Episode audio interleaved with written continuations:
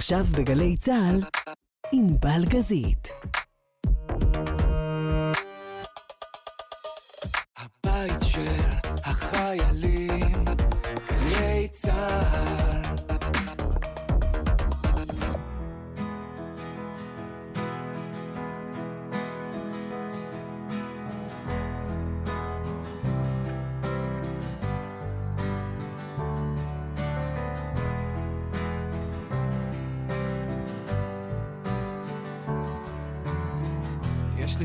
משלי, ובחדר יש אור. זה כרגע לא אני, או אני בשחור. זה נמשך כמעט שבוע, או כבר כמה ימים. אם תשאל אותי מדוע זה עמוק בפנים.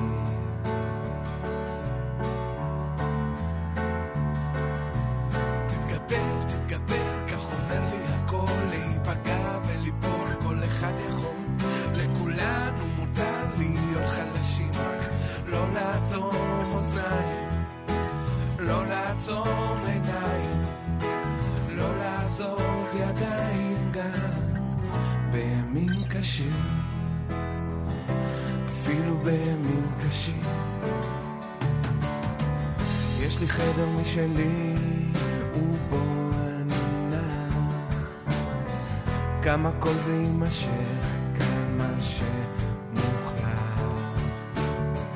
בינתיים זה שבוע, או כבר כמה ימים. אם תשאל אותי מדוע זה עמוק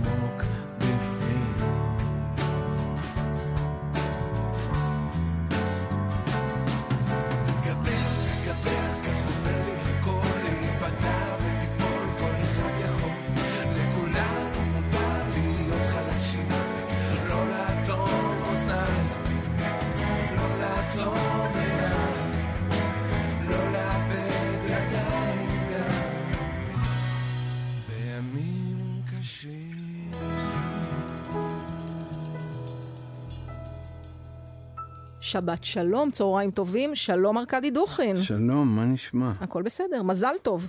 תודה רבה. אנחנו בדיליי של לדעתי יומיים, נכון? לא יום נורא, חמישי היה יום לא- ההולדת.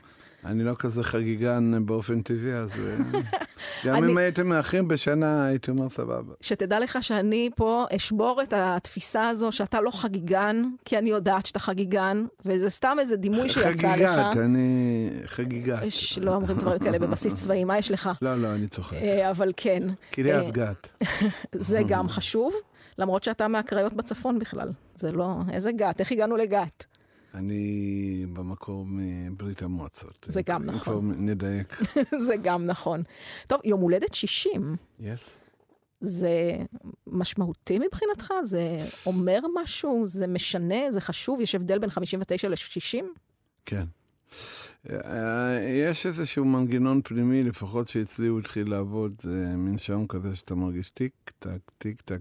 זאת אומרת, החיים הם אה, לא בדיוק דבר אה, נצחי, ואז אתה קצת יותר מחובר ל...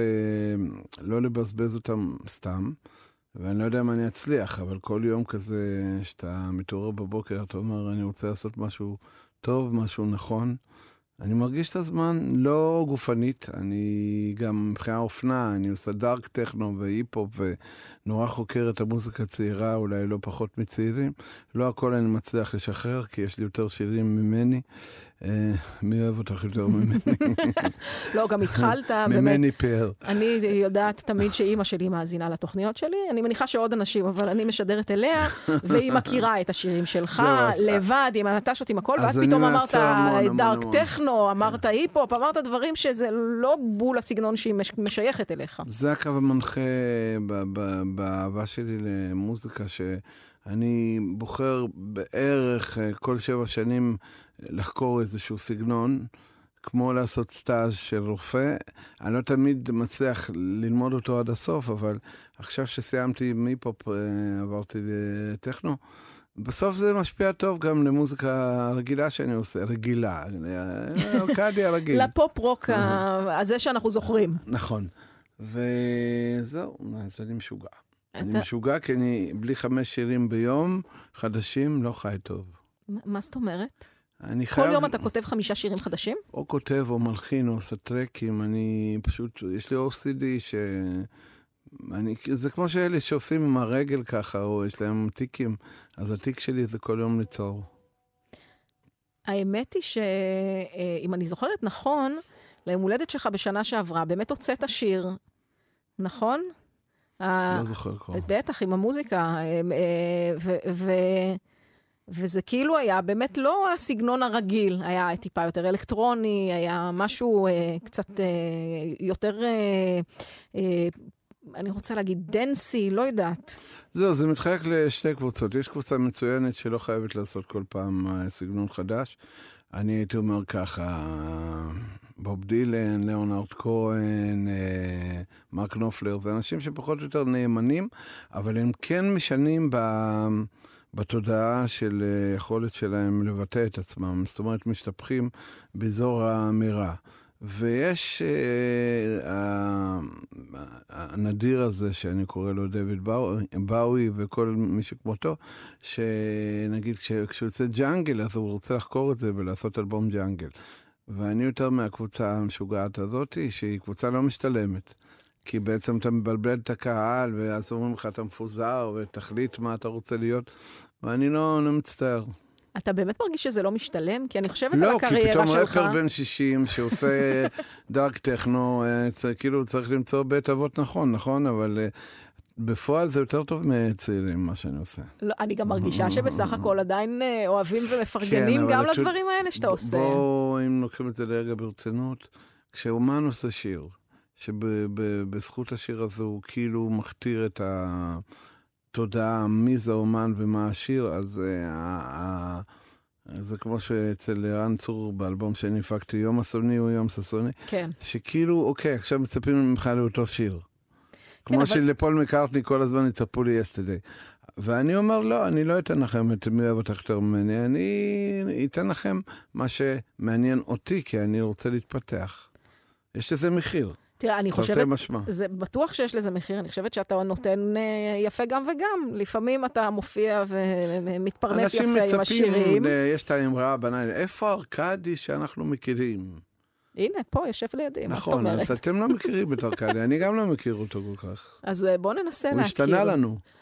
אז בשעתיים הקרובות אנחנו ננסה להכיר קצת את ארכדי, קצת. אני מבטיחה בראש ובראשונה, ככה ראיתי אה, בכתבה, ש- בריאיון שהתפרסם איתך בידיעות, שהזכירו לך שוב את השם דכדוכין, אה, שאני מתוודה, גם כאן במסדרונות גלי צה"ל השתמשו בו אה, בתחילת הדרך, אבל אז יצא לי לראיין אותך כמה פעמים. בהתחלה כחיילת, אחר כך בהמשך. לא, לא מבינה מאיפה השם יצא. זאת אומרת, לא בשירים ולא במציאות. בין שיר לשיר אני כן קצת אה, צוללת. עצובה, אבל אה, ראיתי אנשים גם יותר עצובים ממני. אני גם. חושבת שבסופו של דבר, גם אני לפעמים עצובה, על זה כן, לתת לך זה- אז זה טייטל. נדב- נדבקים אליך, זה למשל הופעות, הנה אבי יעיד, הוא עובד איתי 15 שנה, הופעות אה, רובם, אנשים צוחקים אצלי, כאילו, אני יודע להצחיק. יודע, אתה קורע מצחוק לפעמים. טוב, אנחנו נדבר על כל זה ועל אה, כל מיני דברים יכול אה, לספר בדיחות, אפשר בחיים להעביר. והכל. אולי נעשה, זה, בוא נעשה. יש פה איזה סטארט-אפ, במקום לדבר על המוזיקה, לא, תספר ההומור בדיחות. שלי הוא לא בדיחתי כתוב, הוא ספונטני. הבנתי, זה גם לא בשביל אה, הקהל הרחב לפעמים. לפעמים יש פליטות פה. אה, בסדר, אנחנו נשתדל לעמוד בזה, אה, וכאמור, בשעתיים הקרובות יהיו קצת שירים, אה, כל מיני, מכל מיני תקופות, אה, גם, לא אכפת לי, מה אכפת? קצת דארק טכנו בשבת בצהריים, מה רע לנו? אה, חרא של הרגל, זה לא קללה, זה מי- מיכה אמר. זה לא אני כתבתי, אתה ישר מתנצל. בוא נתחיל בהתחלה, ברשותך. אתה הזכרת שאתה חקרן של מוזיקה, שאתה אוהב אה, לצלול לכל מיני סגנונות, לכל, לכל מיני מקומות. כן, כן. תמיד ידעת שמוזיקה זה הדבר שלך? ברגע שהיה מין קליק ראשוני עם איזה אירוע מכונן, אז כן. טוב, אה. מה היה האירוע המכונן? אירוע מכונן שברוסיה הלבנה, שם גדלתי, אה, בקיץ היה הרחבת ריקודים בפארק. זה יותר נראה כמו כלא, כי זה מין גדר תיל עגול כזה, שכולם נכנסים לשם ולא כולם יוצאים בחיים. וואה, אה, הרבה מכות, הרבה אלכוהול זול, הרבה אלימות, כי אנשים פשוט... אה, הימים של המשטר הקומוניסטי כמובן. לא רק אה, בגלל זה, כי ספציפית תקופה ואזור אולי מסוים. אנשים, אה, חברות כאלה שחיפשו את מי להרביץ ואת מי להרוג. וכינסו לכולם את כולם. ומי ששרד רצה כן. להתנקם, אבל נגנה שם להקה. היה לי איזה פסקול כל הזמן. באיזה- בן כמה היית בשלב הזה? הייתי בשלב הזה בין 12, 13, או-אה, אולי כן. פחות. אה, והייתי תמיד מסתכל מהצד, דווקא לא... האמת היא על שתי הסצנות, הסצנות של אלימות, שזה עם המון דם ולפעמים מוות. ממש, אני חושב שמלחמת לבנון, אה, שהייתי בה שנה וחצי בשריון, לפעמים נראה לי פחות אלימה ממה שראיתי בילדות. עד כדי כך. כן. ואני ראיתי גם את הלהקה, והלהקה שעשתה הרמוניה, אמנם רק על שירים שמותרים, שירים רוסיים, לא עם תוכן קומוניסטי, אבל עם תוכן רומנטי קל כזה וזה, ואמרתי, וואלה, אני רוצה ככה, אני רוצה את ההרמוניה הזאת לעשות. והבן דוד שלי חזר מצבא רוסי, גידל רמת שיער, הכיר לי בשושו, כי זה הכל היה אסור, קצת ביטלס, היה לי כמה אקורדים. את כל השאר גיליתי לבד, למרות שבסוף הבנתי שהם היו גם קיימים לפניי, האקורדים. רגע, המיתוס הזה של הילד הרוסי שצריך ללמוד פסנתר קלאסי וזה לא היה? לא היה כלום. אני אף פעם, עד היום אני לא יודע תווים, ואני חוקר אה, בצורה שלי. מחשב, מפעיל הכל, עושה הכל, אבל אני לא... אבל לא... הכל משמיעה ומתחושה. ומרצון עז ואהבה גדולה למוזיקה. אני שונא את המקצוע הזה, אני אוהב מוזיקה. שונא את התעשייה, לא יודעת על. המקצוע. אה, תעשייה ומקצוע. אז למדת כמה אקורדים של ביטלס על למדתי פסנתר? כמה אקורדים, שתיים, שלוש, ארבע, גג. ו- ופתאום... רגע, אבל פסנתר או גיטרה? כמו... גיטרה, גיטרה. ופתאום הרגשתי שאני שומע את המהלך שלהם. כשאני שומע שיר, הרגשתי שאני מבין איך הם זזים. זאת אומרת, יכולתי בסוג של דיסלקציה, את יודעת, אנשים דיסלקציים יש להם ראייה תת... אה, אני יודע, זה נקרא... מרחבית טובה. אה, זה... זה נקרא תלת מימד. מהמם. ואני הרגשתי שאני שומע אותם זזים, ואני מבין לאן הם זזים. ואז קבעתי עם איזה ילד שניגן סולו, אמרתי, אני רוצה להיפגש איתך בבית ספר, אני אנגן משהו, יהיה הרמוניה. אנחנו באים לבית ספר רוסי, ויש שם מלא זכוכיות כאלה, נגיד, כמו כאלה, כמו באולפן, מפורקות. כן. והמורה לספורט אומר, לפני שאתם תנגנו שם, תעמיסו לי את כל הזכוכיות, לא יודע, מקומה שנייה. עכשיו אנחנו בני עשר וחצי. מתחילים להעמיס, אחת הזכוכיות נכנסה לי לשפה, וירד לי מלא דם. ואמרתי, אני לא מוותר על ההרמוניה, אני כאילו... לא, מרק- ברגע הזה אתה לא הולך אה, לקבל תפרים אה, לא הולך בחדר לקבל האחות או כלום, בבית חולים. שם אתה- קצת אה, טישו, טישו רוסי, את יודעת, גם למציאה גדולה, באותה תקופה, ומלקק את הדם. ככה הייתי ערפד הידוכים לרגע, סתם שתיתי את עצמי. ו... והלכת לנגן עם הילד. כן, אמרתי, אני לא מוותר על זה. ושם התחיל הקליק הזה שהבנתי שלעשות הרמוניה, אתה לא יכול לבד. פה כאילו יש איזה זרע של קולקטיביות שהבנתי שאם אתה רוצה ליהנות ממוזיקה, אתה צריך לעשות את זה עם עוד אנשים. זרע של החברים של נטשה. זאת אומרת, לא קריירת אה, סולו, לא רק אלא... נטשה, כל העניין הזה כמו הדבורים שמאיימים להיעלם, והלהקות שנעלמות בגלל ההמצאה הזאת שיש פה לפנייך. אה, המחשבה, לכאורה כן. המחשב בא לאחד בינינו, אבל הוא קצת מפריד בינינו, ועד אז אני יותר איש של להקות. בכלל, עד שנטשה. אני בגיל 12 כבר ניגנתי עם ילדים בני 30. Mm? והגעתי ל double booking עם אה, ילדים בני 25 ו-30, ובחרתי ב-25, אני זוכר שילד בן 30-40 כזה הולך אחריי ובוכה, הוא אומר לי, ארקדי, קראו לי משהו אחר ברוסית, לא משנה, בבקשה. בטח משנה. אליק, אליק, הוא אומר, בבקשה, בבקשה, אתה לא יכול להבריז לנו, זה, יש לנו הופעה. ואני מרגיש כמו ילד שצריך להחליט, ב... לא, קודם כל לא נעים לי מדוד הזה שבוכה לי, כי אני מנגן שם בס, ואני בחרתי את הצעירים יותר. אז uh, בגיל 12 כבר ניגנתי בקלידים ובס וגיטרה, ו... וכל זה למדת לבד. כל זה למדתי לבד. לבד עם, עם שמיעה. לאבא שלי אה, היה אה, קצת כסף, אולי קצת לא יותר. צריך להתנצל? הוא היה צורף, והוא קנה מערכת סטריאו מאוד משוכללת. עכשיו, זה פחות או יותר מחיר של בית ברוסיה, איפה שחיינו. ובזכות המערכת הזאת, הנסיך הקטן מפלוגה ב', לא יודע איך נקרא לו, אלוהים לצורך העניין, כן.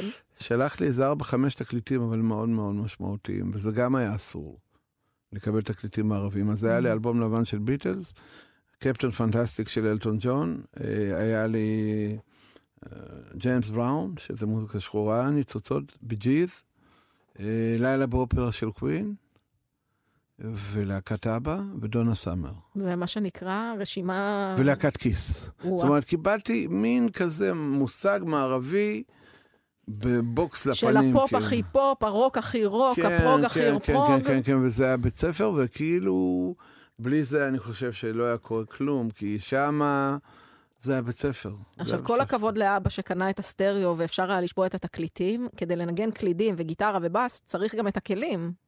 פסנתר היה, כמו בכל בית עושים בשביל אה, רעות. גיטרה הייתה בשווי שהיום היית קונה אותה ב-50 שקל. היא גם נשמעה ככה או שהיה לה סאונד טוב? מי מבין בסאונד באותה תקופה? מה זה חשוב? ואותו דבר בס, זה חתיכת עץ עם כמה מיתרים. מעניין. הכלים לא היו איכותיים, אבל אתה לא, לא בחנת את זה דרך, דרך הדבר הזה. התשוקה לנגן הוא תשוקה. תראי, גם כשהגעתי לתל אביב אה, עם נטשה, היה לי קסיו כזה שהיום חבר'ה שמוכרים את זה, זה 200 שקל, ועל זה כתבתי את כל האלבום הראשון, מלנכולי. קסיו. זה קלידים, ולדעתי מדובר ש- בשניים וחצי, אה, אה, שתיים וחצי אוקטבות בערך, כן, משהו שיש כזה. להם כזה ליווי אוטומטי הזוי והם על בטריות, ועל זה נכתב בעצם כל האלבום של נטשה, וגיטרה קלאסית של שלוש- 300 שקל.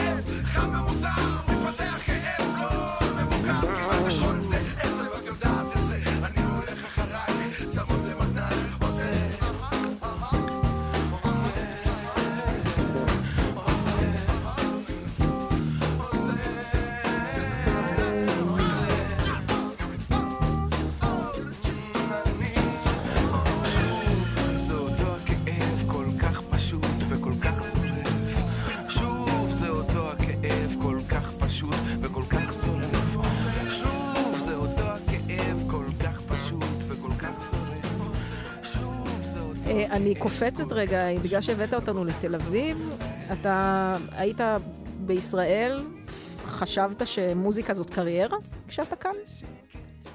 שיש לזה פוטנציאל, שאתה יכול... אני אף פעם לא הייתי שכלתני, לכן אף פעם מילה פוטנציאל, גם עד היום מילה פוטנציאל היא לא בלקסיקון שלי, אני לא יודע מה זה פוטנציאל. לא יודעת, יש לך עוד כישורים, אתה למ- למשל לא מבשל. נהדר. אבל לא עסקי, אני לא איש עסקים. אני מבין, אה, עד ה... אני יכול להביא את הכבש עד המים. אה, ש- אהבתי שאתה הולך על הכבש, בדרך כלל מביאים את החמור. אה, אני אוהב כבשים לא משנה, אבל חמור אפשר לאכול אותו מסכן. זה נכון. אה, אני מביא אותו נגיד עד הבנקאי, כשאני נפגש כבר עם בנקאי, אני לא יודע על מה מדברים איתו, ולכן כל העניין של פוטנציאל או חישובים בכלל לא היה שם. אני נטו אינטואיציה, נטו רגש, אה, אף פעם לא הייתי איש של כסף. ולכן גם אה, גנבו לנו והפסדנו המון כסף ואני סלחתי לכולם, כן? זאת אומרת, אה, אתה תמיד היית בן אדם טוב לבב. לא אני סלחתי לכולם, כל הלהקה סלחה, אבל כל ההצלחה הראשונית שמוגדרת בעשרות מיליונים של שקלים הלכה למישהו אחר בהצלחה. אה, שלהם באדיבות האחוזים המקסימים באדיבות, שחברות התקליטים לא, ידעו. לא, גם באדיבות הטמטום של האלה שחתמו עליהם. אה, צריך לדעת על מה חותמים, גם זה נכון. כן. לא, אה, אתה אומר שאתה לא מבין בפוטנציאל בסדר, וההורים שלך, מה הם רצו שתהיה כשתהיה גדול?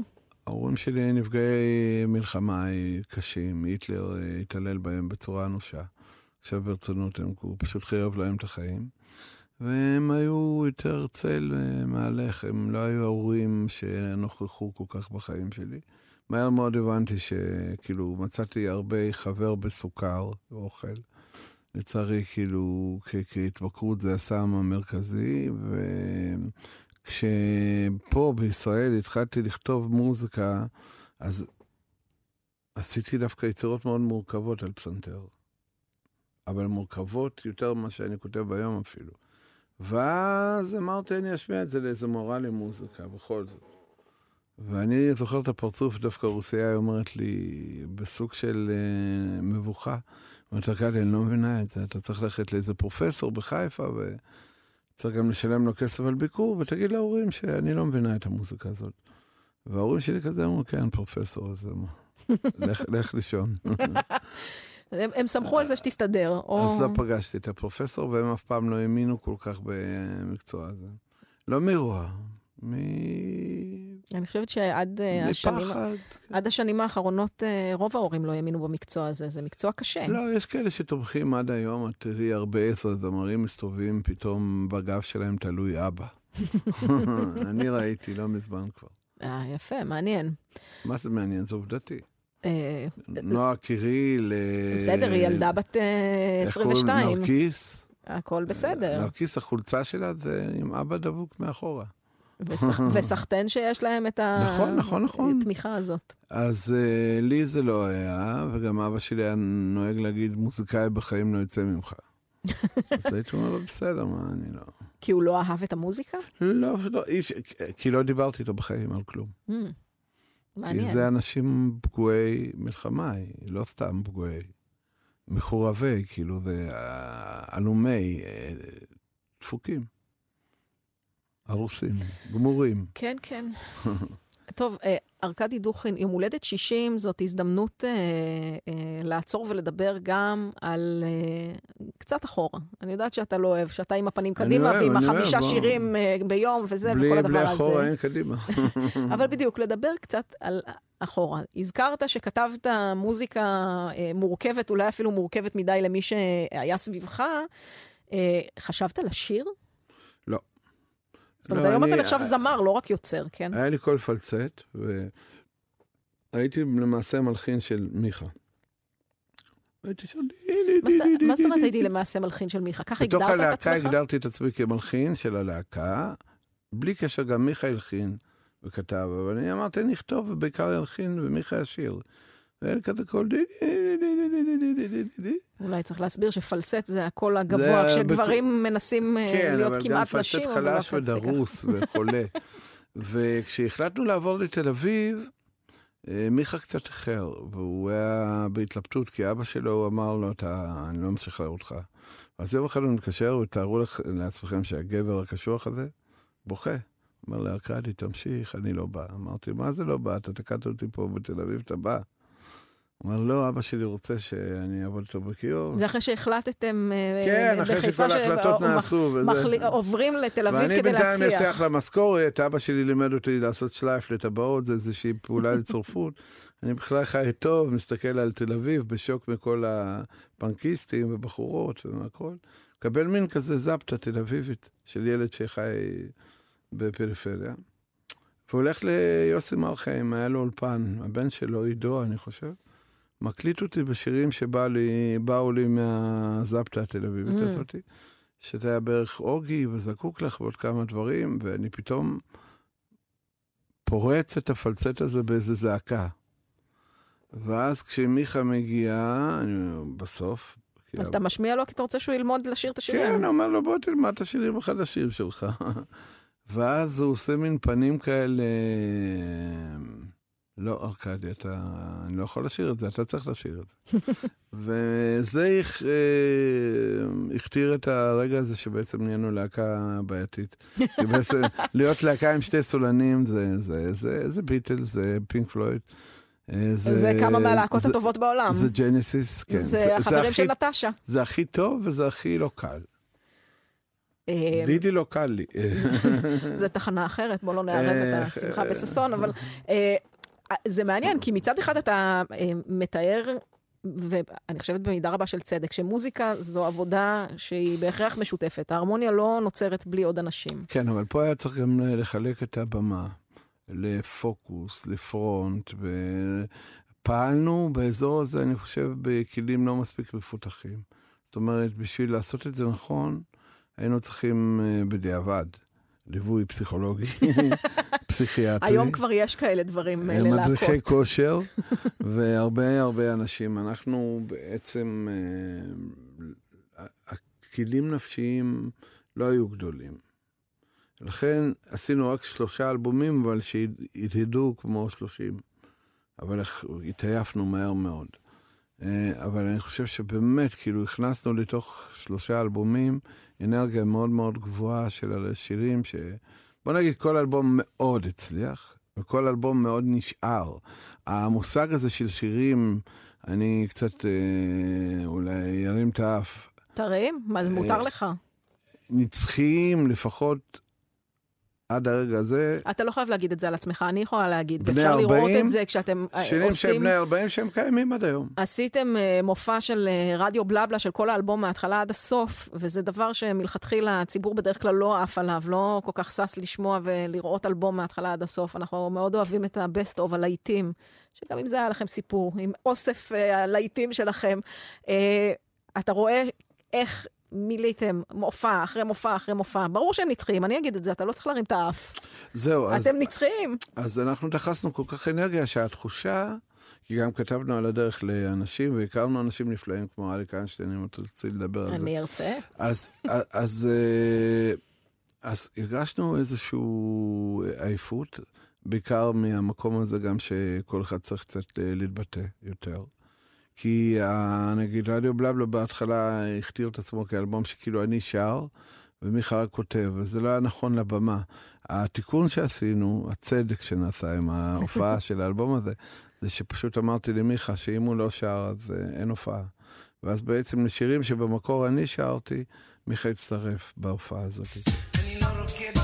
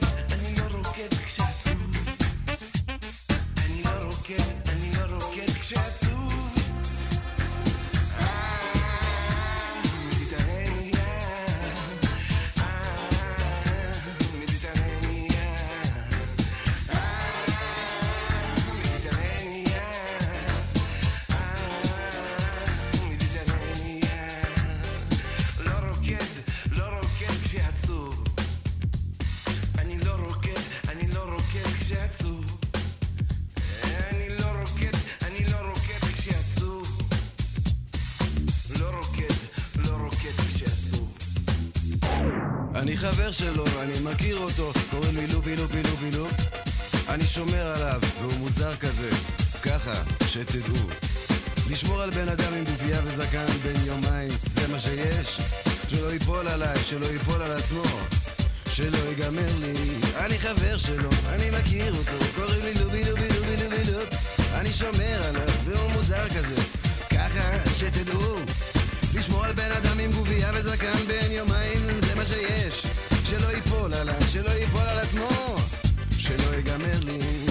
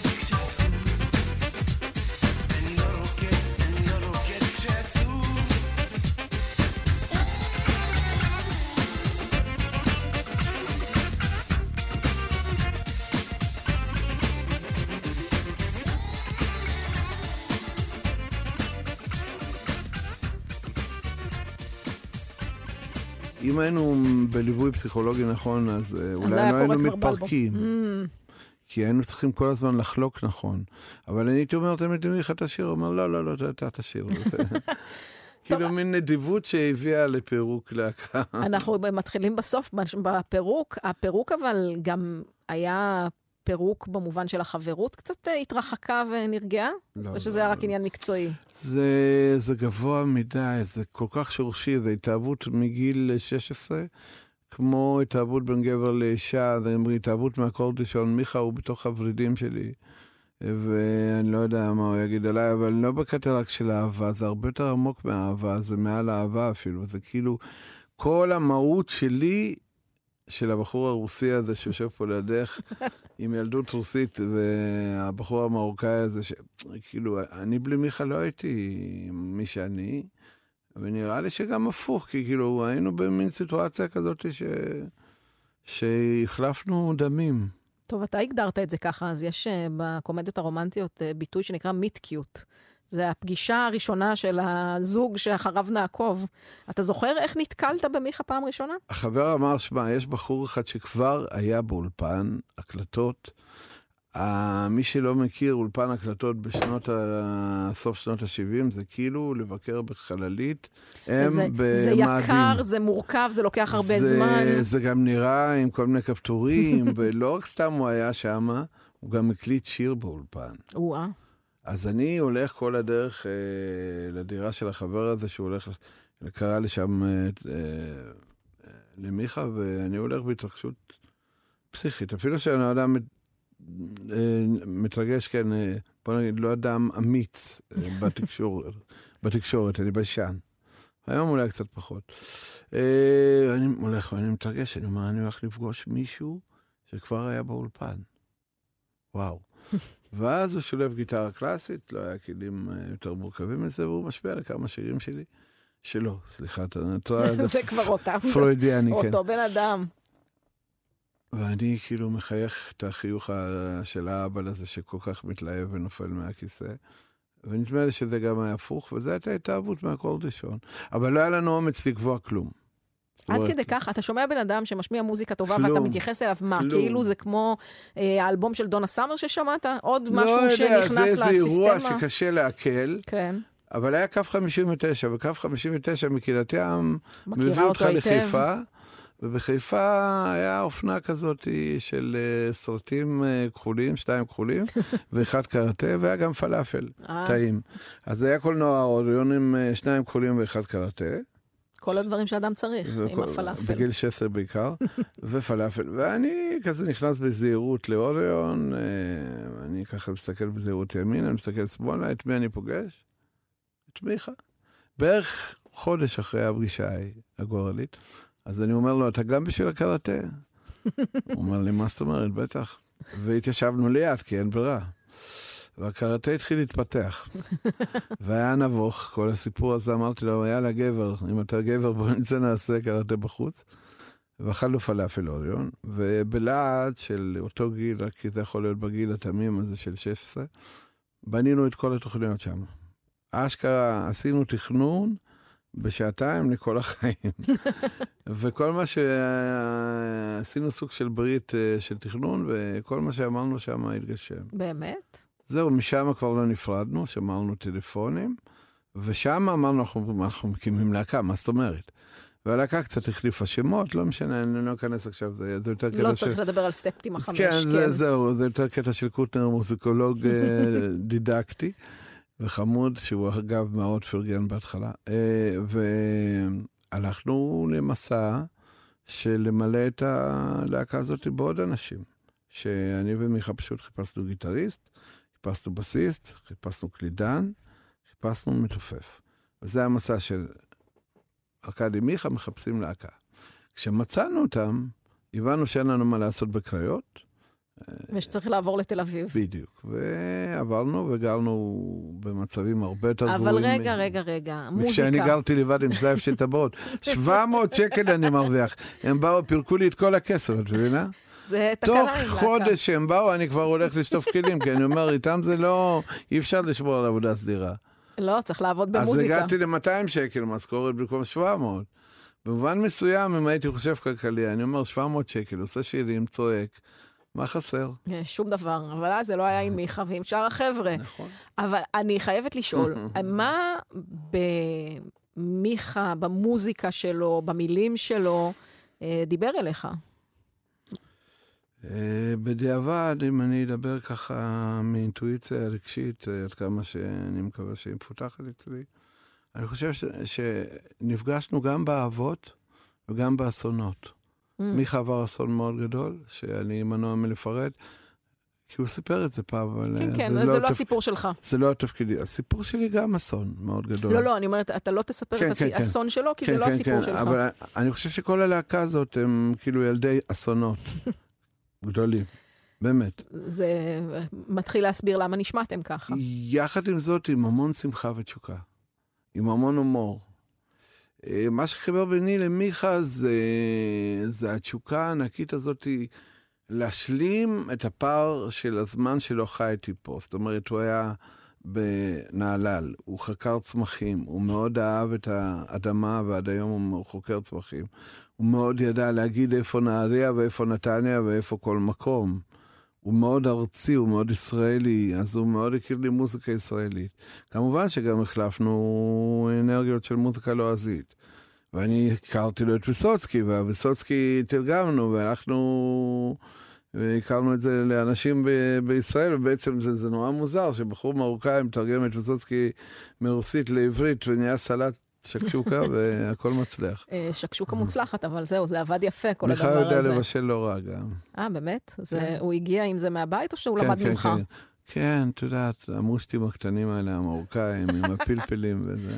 תשמע, זה שעת צהריים עכשיו. והרוטף הזה והסרדינים ממולאים. אה, וואו, אפשר להניח שמי ששומע אותנו וסתם באוטו... עוף שאימא שלו הייתה עושה סתם עוף עם קורקום כזה שמתבשל לאט. העוף היה פחות מוזרק, האדמה הייתה פחות מקולקלת. אה, פעם היה, לאוכל היה טעם אחר קצת. כן, היום אבא, הוא אומר לילד שלי, אבא, לתפוח יש אה, טעם של קקי. אני אומר לו, האדמה מקולקלת. זה עצוב ונכון עד כמה שלא נעים להודות בכך.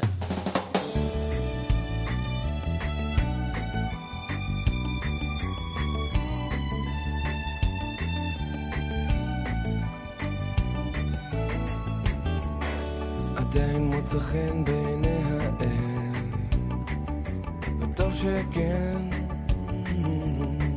כן. עדיין מוצא חן בעיני השם, זאת שאותי תיקח לעזאזל. עדיין לא אבוד בעיני האל, ובעיני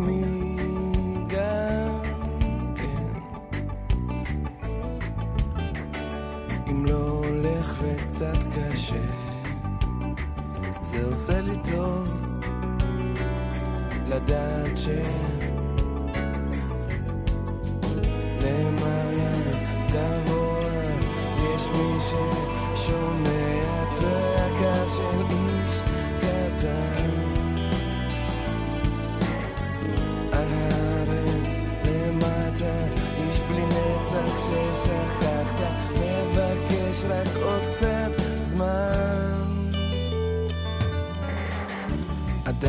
מביט בעיני האל וטוב שכך כן השמש חמה והאוויר זורם זה באמת קורה? לא, אני חולם.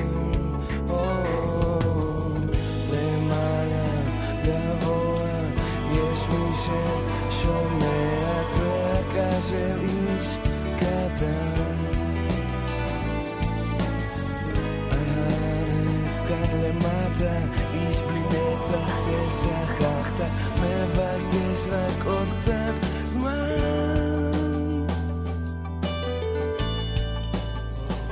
אני עוד כאן.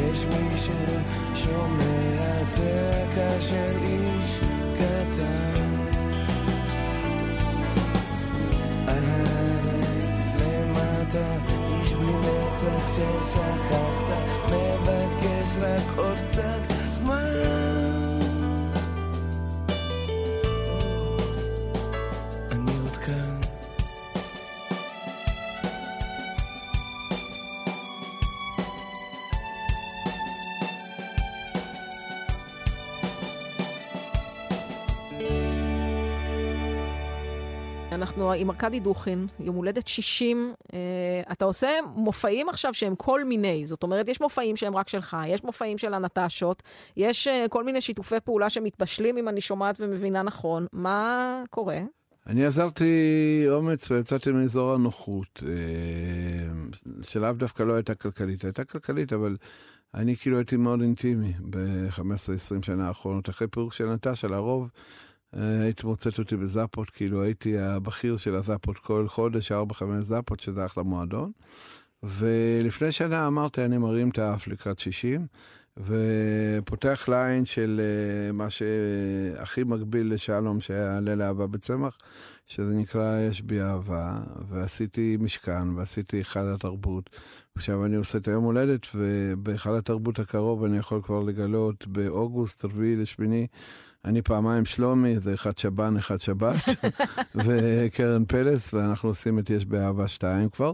והחלום הוא כאילו להרחיב את מעגל הט"ו באב בשירים שקשורים גם אליי וגם ליוצרים ששרים שירי אהבה, ועד שנגיע לצמח ול... לאט לאט, אה, בסוף, לפארק. ו- בסוף יהיה פארק. אה, והיום לא מודדים שהוא מילא את הפארק, מודדים בכמה זמן. אז אני אמלא את הפארק שלי ברבע שעה. אני, פחות אכפת לי בכמה זמן ממלאים. אני צוחק, אבל יש- אבל- יש אופנה כזאת. כן, זה נכון, אבל אה, האמת היא שזה נשמע כשאתה מדבר כאילו אין לך המון אגו. כאילו אפסנת את הדבר הזה. אני, אני, אני, אני, אני סובל מגדולות האלה, זה כאילו מלחיץ, זה מצליח, אבל זה מלחיץ. כאילו, יותר קל לי, אם עכשיו אנחנו בשיחה, שיחות נפש, יותר קל לי היה לחלוק את הדבר של גדולות עם קבוצה, נגיד נטשה, נוקיות. נשמע לי הגיוני, כי זה באמת, פתאום בא היתרון הזה שיש שתי סולנים. כשזה יושב רק עליך, ואתה צריך למלא את הכרטיסים ולדדדי, הנפש שלי, אולי בגלל הילדות אה, לא הכי קלה, היא תמיד אה, מאוד מתערערת לפני הופעות גדולות. אה, ואני אני, אני אוהב, שונא את זה. כאילו, אני אוהב את ההופעה, ואני אוהב לשיר, ואני תמיד מאושר שאני שר. אבל בדרך לשם, גם אם זה כאילו לכאורה מהצד נראה קל, ואני כבר sold out חודש לפני כולם, אפילו לפני עידן רייכל ופוליקר, שהם אחלה אומנים, הם מדהימים, דודו טסה וזה. אבל אומרים לארקדי, תראה, הם עדיין לא מילאו ואתה מילאת, תשלח smile. ואני לא מסוגל, כאילו, אני לא מסוגל לשמוח מהצלחות. וזה לא קלישאה, כאילו, קשה לי. קשה לי להצליח בגדול, כאילו, אני אומר, למה? למה צריך את זה בכלל? תראה, העובדה היא שאתה מצליח בגדול, אה, זה אולי כן, קשה אבל לך להיות אומר, על הבמה. ה- זה- הממדים האלה שמעל 300, הם קצת, הם מתחילים להלחיץ אותי טיפה. ואז כשאתה בונה מופע כזה שבו משתתפים למשל שלומי שבת או שבן או קרן פלס, עד כמה חשוב לך שהמילה האחרונה תהיה שלך? היו עליך, אתה יודע, סיפורים בעבר של אה, אה, איזו התעקשות אה, אומנותית, שהיא מובנת אגב, אם לא, אתה לא. מסתכל על שלומי שבן, במופע שלו, הוא שולט בכל פרט. קודם כל, אה, היום אני עושה את זה בצורה כזאת שאף אחד לא נפגע. התקדמנו. אז אז הייתי מאוד דיקטטור. חלק מהאנשים אפילו החליפו מקצוע על רקע זה שהם עבדו איתי. אמרו, באמת? אולי נעבוד במשהו אחר. לא מרוע, אבל אתה יודע, אני עקשן, אני יודע מה אני רוצה. אבל uh, אני יודע הרבה יותר מפעם להתבטל ופשוט להתבטל. להתבטל ולהגיד, אוקיי, אני... הצורך הזה בשליטה הוא צורך uh, סך הכל uh, של חרדת נטישה. זה לא בא ממקום uh, זה, והדבר הזה דעך, אני חושב, כבר לפני 20 שנה.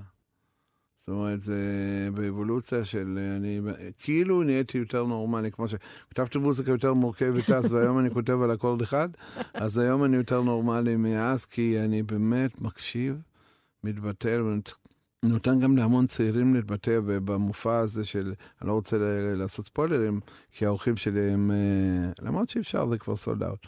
אז אה, מילי מסיקה איתי, אלי סובול, מיכה שיטית, והיו שתי אורחים צעירים, שהם בעצם ישמיעו גם את כולם לפני שאני אעלה, ואני נותן במה. אני מאוד אוהב הוראה. שזה, זהו, רציתי. להגיד, אתה מאוד אוהב אומנים צעירים, אתה אוהב אה, לתת במה למישהו שאולי אה, אנחנו בציבור לא כך מכירים, זה כן. משהו שהוא משימה מבחינתך. כי, כי בעיקר אני אוהב uh, להיות מנטור לאחרונה. נגיד, uh, יצרתי מתוך איזה 50 uh, אנשים קבוצה של שמונה, ועשיתי עשרה מפגשים, וזה מילא אותי, זה נורא מילא אותי, ובעיקר זה מילא אותי בזה שחלקם נשארו איתי בקשר. זה כמו המכון ויצמן הזה שהרופא עובד עם uh, סטאג'רים, כן. והם חוקרים אחרי זה ביחד, לשם אני כאילו מכוון את, ה, את התשוקת הוראה שלי, שבעצם, אה, שהם ימשיכו את קו המחשבה שאיכשהו קשור גם אליי, לעומת נגיד אה, גישה הכללית הישראלית, שזה לא בכוונה, אבל אנחנו לא נוהגים כל כך אה, לתעד את, לא יודע מה, חנוך לוין, מאיר אריאל, לעשות בית ספר על פי יונתן גפן. אה, הוא הרי, לא, זה מת, רק- הוא הרי מת פעמיים, פעם אחת כי פיזית הוא מת, פעם שנייה כי... אני לא יודע אם אה, יתחיל ללמד אותו בבית ספר. זאת אומרת, יש לישראלים, ליהודים בישראל, איזשהו קושי אה, לזכור את אלה שהיו פה לפנינו. אני חושבת שחלק מהעניין אבל, וזה אולי ההבדל בינך לבין אה, אחרים, זה שהרבה פעמים, אני חושבת על עצמי כמורה, אני רוצה שיקשיבו למה שאני למדתי ועשיתי ואמרתי, ותעשה עכשיו כמצוותי. ואתה מתאר משהו שהוא שיתוף לא, לא, פעולה. לא, אני בא, אני בא ממקום מאוד מורכב, רוסיה, כן? אז יש שם את פוטין וכל הדברים הלא יפים. מה שכן יפה, שאנשים ב, באזור הגילאים שלי, בדרך כלל מקבלים, אם הם מספיק הוכיחו את עצמם, נראה לי שמספיק הוכחתי את עצמי. אה, יצא ככה. מבנה, שבמבנה הזה יש סוג של גם עולם הופעות וגם בית ספר.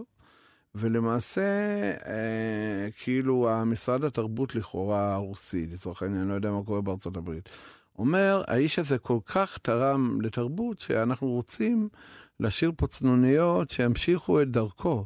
את שיטת ארכדי, שיטת סטניסלבסקי, שיטת מאיר אריאל, סשה ארגוב, זוהר ארגוב, לא יודע. זאת אומרת, אנחנו רוצים איכשהו שזה לא ייקטע עם מוות של האנשים האלה.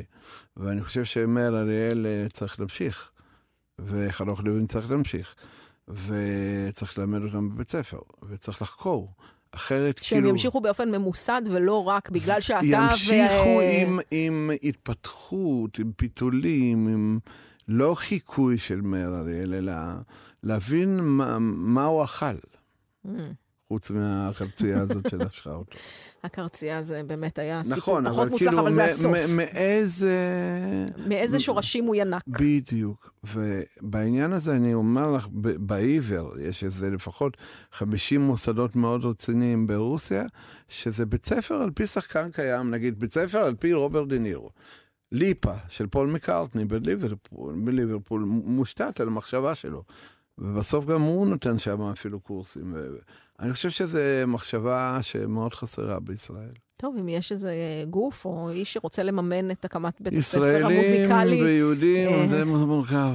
זה נכון, אבל בסדר, אפשר לנסות בכל מקרה. יש פה רימון שזה בית ספר חושני ולדעתי צר, מחשבתי. הוא אגב, שאני- ב... ב- אני עכשיו קצת אביב אה, גפן. לא, לא, תיכנס, אין בעיה. אה, אבל זה- יהודה עדר הוא... הוא- יהודה עדר הוא בחור טוב. בחור טוב ונחמד והכל אבל טוב ויפה. כל מה שמתרחש מס- מסביב הוא עדיין מאוד דיקטטורי. זה בצלמו אין שם ובדמותו. חופש. זה בצלמו ובדמותו של יהודה. אה, הוא מלמד את הדברים. כן, אבל כולם לומדים רק שם, לכן יש איזה... אני אומרת לך, אנחנו נמצא מימון לבית ספר, אה, בית ספר לימון. אני חושב, על שם ארכדי אני חושב דוכין. שבן אדם כמו מיכה חייב להעביר בהיותו חי את, ה, את השורשים, מהם הוא ינק את הכישרון שלו לכתיבה. למה? מה הבעיה? בואו באמת פעם אחת נגיד את זה קצר. כי אנחנו לא סובלים מעודף אנשים מוכשרים. אין שתיים חנוך לוין, יש אחד. מהמם. וברגע שאנחנו כותבים אותו, אנחנו עושים עוול לתרבות עתידית ב- במקום שאנחנו חיים. אסור לקטוע אנשים. זה לגזור ולשמור את הדבר הזה. כן. אה, אני מסכימה איתך בכל מה שאתה אומר, אבל זה עכשיו ואז. אנחנו נתפתח, זה לא משנה אם זה מוזיקה ים תיכונית או טורקית או לא יודע מה, אני לא... אני אוהב כל מוזיקה, זה, אני כתבתי בדיוק, זה להרבה... משנה, יש לכזה ולכזה אני ולכזה, אחד כתבתי להרבה ים. תיכונים, ואני מת על זה גם, אני גם אוהב את זה וגם את זה וגם את זה וגם את זה, אבל חייבים. הגענו רק לחצי היום הולדת ארכדי, יום הולדת 60 לארכדי דוכין. נצא להפסקה קצרה, חדשות, נחזור לשעה שנייה עם כל השירים, כל הסיפורים ועם עולץ. יש הרבה סיפורים טובים פה.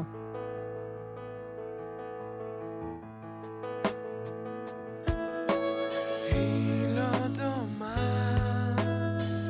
לאף אחת אחרת, לאף אחת שעוברת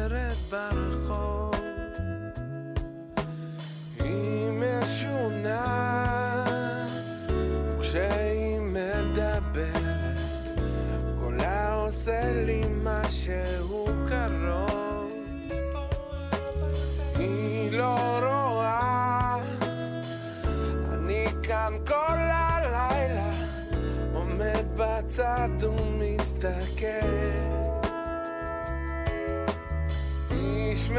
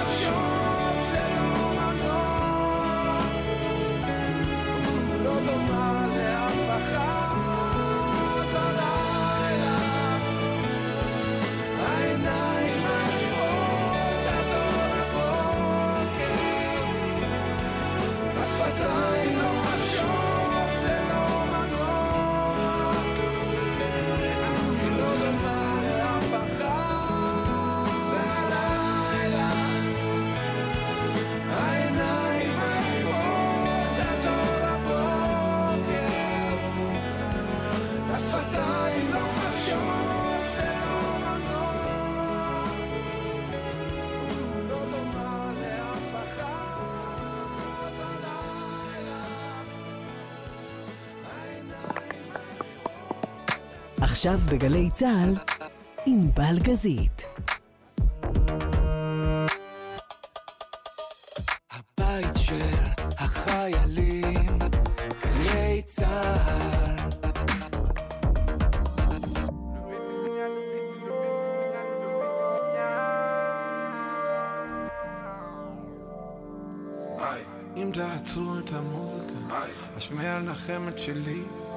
מתוך האגם הכנות הזה, מוזיקה בלי זיופים, מוזיקה של גשם צהור, מוזיקה מוזיקה סור, בקצב מוזר השחור, רוקד לי לבד כמו שיכור הזה, שוב שבת שלום, שעה שנייה עם ארכדי דוכין, יום הולדת 60, וואו. טוב, יש לנו עוד שעה שלמה עם כל הסיפורים המעולים האלה, אבל uh, אני אפתח בשיר, השיר הכמעט האחרון שלך, לפני שנה יצא ביום הולדת 59. זה בתוכי עד הסוף. אנשים קופצים מהחלום, לא מחכים להם בחלום. לא סתם שרפתי את הפנים, בזמן שפרסתי כנפיים. עבדנו במסדרונות, עם חבורה הזאת. עכשיו בכדי לעשות מתח, חסרה לי היד והנצח. שומר על שיווי אפשרי, מצמיד את הכתפיים לגב, חיוך על הקיר הרחב. כולם מכירים את שירי, שומר על שיווי אפשרי, מצמיד את הכתפיים לגב, חיוך על הקיר הרחב. כולם מכירים את שירי, אל תעצרו. תעצרו את המוזיקה, אשמיע לכם את שלי. מתוך האגם הקפוא הזה, מוזיקה בלי זיופים, מוזיקה של גשם צהוב, מוזיקה מוזיקה סוף, בקצב מוזר השחור הזה, רוקד לי לבד כמו שיכור הזה.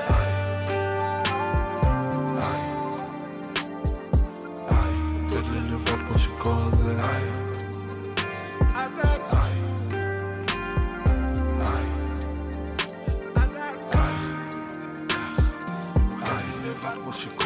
הזה. אני לבד כמו שיכור הזה. כן, אני לבד כמו שיכור. תשאיר אותי לרקוד לבד.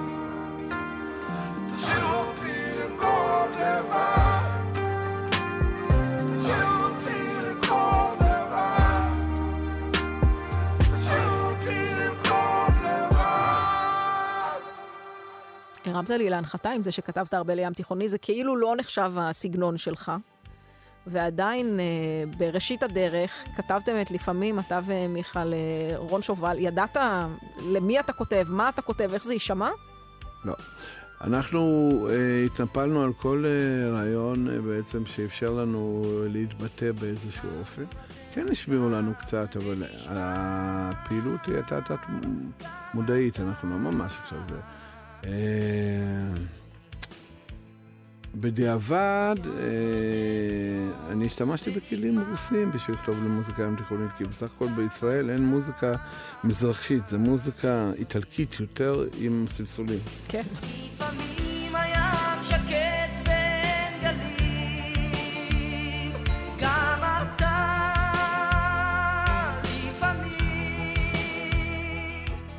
אין לנו, זה, זה לא ממש רבעי טונים ואום אום קילטום כזה, משהו עמוק. אז לכן הבסיס הרוסי האיטלקי, שכן היה מותר לי לשמוע איטלקית ברוסיה הצרפתית, מאוד עזר לי, אני, יש לי כבוד בעולם המוזיקה המזרחית, ועופר לוי, והלילה תרקדי, בטח. ואני קורא לך, ואלוהי, כל מיני כאלה. אז אה, זה אני כתבתי, ואריק איינשטיין, לא, בואו לא נשכח את אריק. אריק איינשטיין זה לא מהעולם המזרחי, זה... לא משנה. לא, כי גם פה, ב... די בראשית הדרך, אה, פתאום שמו עליך עין כיוצר שיכול לעבוד עם מישהו כמו אריק איינשטיין. זה מטורף. שם טוב לוי חבר שלי, והיינו מאוד מאוד מקורבים באותה תקופה. הוא בא אליי, אמר לי, יש לך משהו לאריק? עכשיו, זה חבר'ה שלא עושים פוזות, כאילו, אוקיי, תביא שיר, ניקח שיר. לא, עכשיו, וואו, וואו, וואו, וואו, וואו. אז אמרתי, אני לא זוכר, גם היום אני לא זוכר מה יש לי בארדיסקים. אז היה לי ארגזים של קלטות, התחלנו סתם להפוך אה, קלטות, ושמנו אקראית. זה שם טוב עובד על אלבום עם אריק, הם מחפשים שירים, הם בסדר, נבדוק גם אצל ארכדי. לא גם, אבל אה, אין את הפוזה, את יודעת. שמי זה אדם כזה צנוע. ושמנו, עלינו על איזה קלטת, אני שומע בגללך, לילה לא לילה, אני שומע, יש בי אהבה. וואלה, תקח, קח. תשמיע, תשמיע. ואתה יודע, ארכדי בסדר, אתה יודע, נקליט וזה. מסתבר שזה שתי שירים שהם הכי מושמעים בחיים של אלק ב-20 שנה האחרונות לקריירה שלו. ובגללך זה מילים של מיכה, יש באהבה זה מילים ולחן שלי, בגללך זה לחן שלי. ומה עשה אלק לחיים שלי? הוא השלים לי את אותם פערים, כמו שמיכה גם, שכאילו, כאילו כבר זהו, ארכדי, אחרי שעבדת איתי אתה כבר לא עולה חדש. באמת? זאת הייתה סמל. תחושה? בדיעבד, בדיעבד, כי בעצם הוא כזה סמל של ישראליות, של מוקדי תרבות ישראלית באותה תקופה, שכאילו העבירו אותי תחנות. הוא סיפר לי על כל ה... ש... אני לא יודע אם להאמין, אבל שבירקון הם שתו מים פשוט ככה. עם פיפי או בלי, אני לא יודע, אבל שזה היה כל כך נקי, שהם היו שותים בתור ילדים.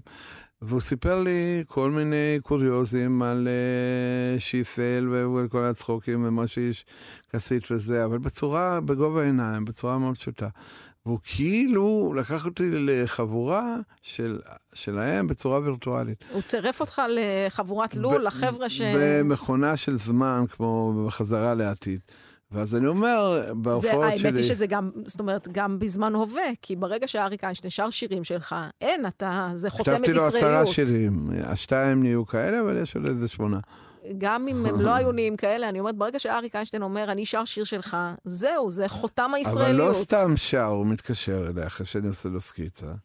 הוא אמר, קרדי, אני לא יכול לשיר ככה, מה אתה עושה? אני לא מסוגל לשיר כמוך. אמרתי, אליק, אתה לא צריך לשיר כמוני, אתה שר מדהים. הוא היה כזה צנוע, שהוא היה אומר, בעצם, אתה שר כל כך יפה, ארכדי, שאני לא יכול לשיר כמוך. אז הייתי אומר לו, אליק, שיא הצניעות. אבל כשאני אומר את זה בהופעות, אז אני באמת אומר בדיעבד, הוא השלים לי את הפער הזה שלא לכל עולה חדש יש את הזכות, אלא למי שבאמת כפייתי כמוני בלרצות להצליח במוזיקה. באמת, כאילו הייתי פה איתו כשהוא היה צעיר. כי הוא כל כך סיפר לי על המקומות האלה. שאני מרגיש שעוד הסתובבתי בחבורה הזאת של שמי ו- וקלפטר ואריק ו... ואני יודע, סינגולדה שהוא אח. יוני רכטר כמובן, שעשיתי איתו דברים, אה, לא מספיק, אבל עשינו שיר.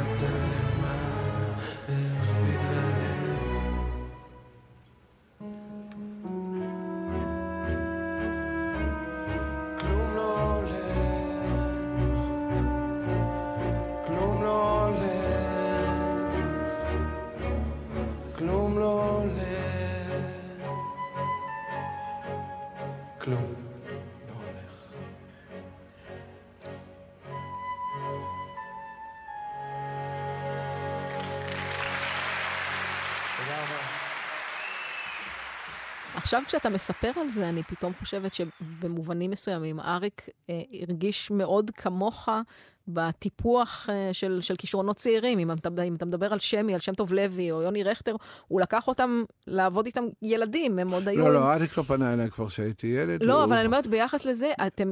כבר אתם מדברים ילד- אותו דבר אם בדבר כבר הזה. אחות גדולה שלקחה אותי כשהייתי כזה קטן.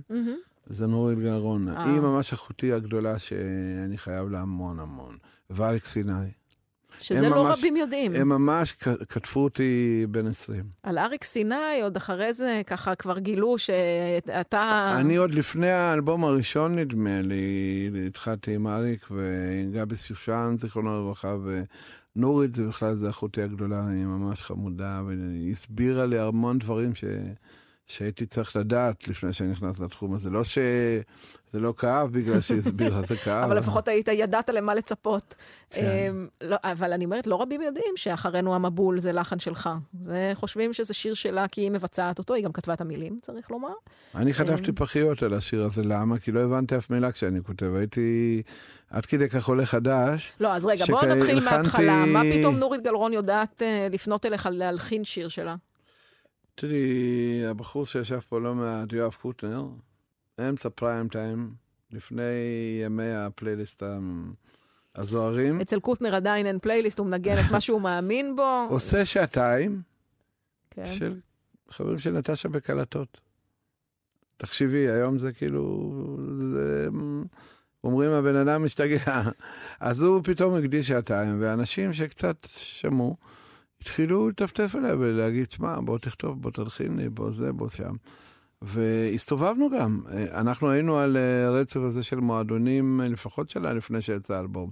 אז נהיה באז, הקהל כבר הצביע ברגליים וקנה כרטיסים, אלף איש וכאלה. אתה יודע, אבל נורית גלרון לא בדיוק מזוהה עם הסגנון המוזיקלי הזה. זאת אומרת, אני זה לא כתב- מובן אני מאליו. לא כתבתי לה בסגנון לא, הזה. ברור, אבל אני אומרת, כשהיא שומעת את זה והיא אומרת, זה יכול להיות טוב לי, זה, זה בעיניי עניין.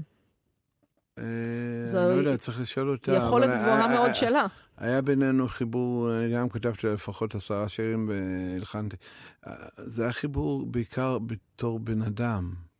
כאילו, לא רק מוזיקאי, כאילו... כמו אריק, יש אנשים שהם לא גורמים לך מבוכה. ובתחום של אומנים יש הרבה פעמים מבוכה מפוזה ומאגו ומכל מיני בעיות, שאתה יושב ואתה מרגיש כאילו שזה מסובך. אריק ונורית הגדירו את זה כמה שזה פשוט לשבת עם אנשים פשוטים, שהם לא פשוטים בהצלחה שלהם, אבל זה הסיבה שיכולתי להסתדר איתם. אתה זוכר איזה עצה, איזה סיפור שלה? אתה אומר שהיא הייתה אחותך הגדולה, מה, מה כבר, למה כבר הייתה צריכה להכין אתכם? כשנכנסתי כבר לאלבום הראשון, אמרתי לה, נורית, יש לי פה כאבים, לחץ. היא אומרת, זה תמיד כשעושים אלבום. כל, כל אלבום שתעשה, אמרה, יהיה לך פה קצת לחץ שגם סוחב לכתף השמאלית. אני צוחקת עכשיו, אבל זה נשמע לא משהו, אבל זה ככה. אבל זה נכון.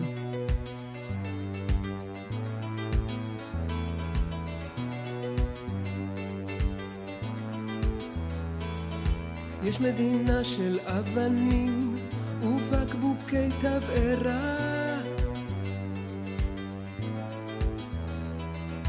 ויש תל אביב בוערת ממועדונים ומעשי זימה יש מדינת מתקוממים שם חובשים את הפצעים ויש תל אביב חוגגת, חיים אוכלים ושותים.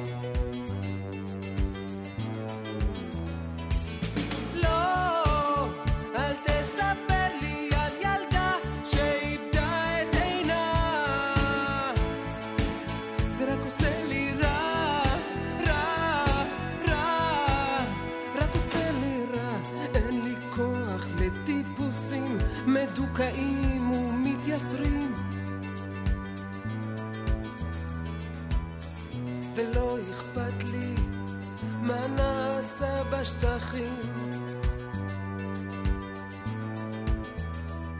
אל תספר על זמן צהוב, על עצורים ועל מורדים. נעשה אהבה, נחיה את החיים, תל אביב זה החיים.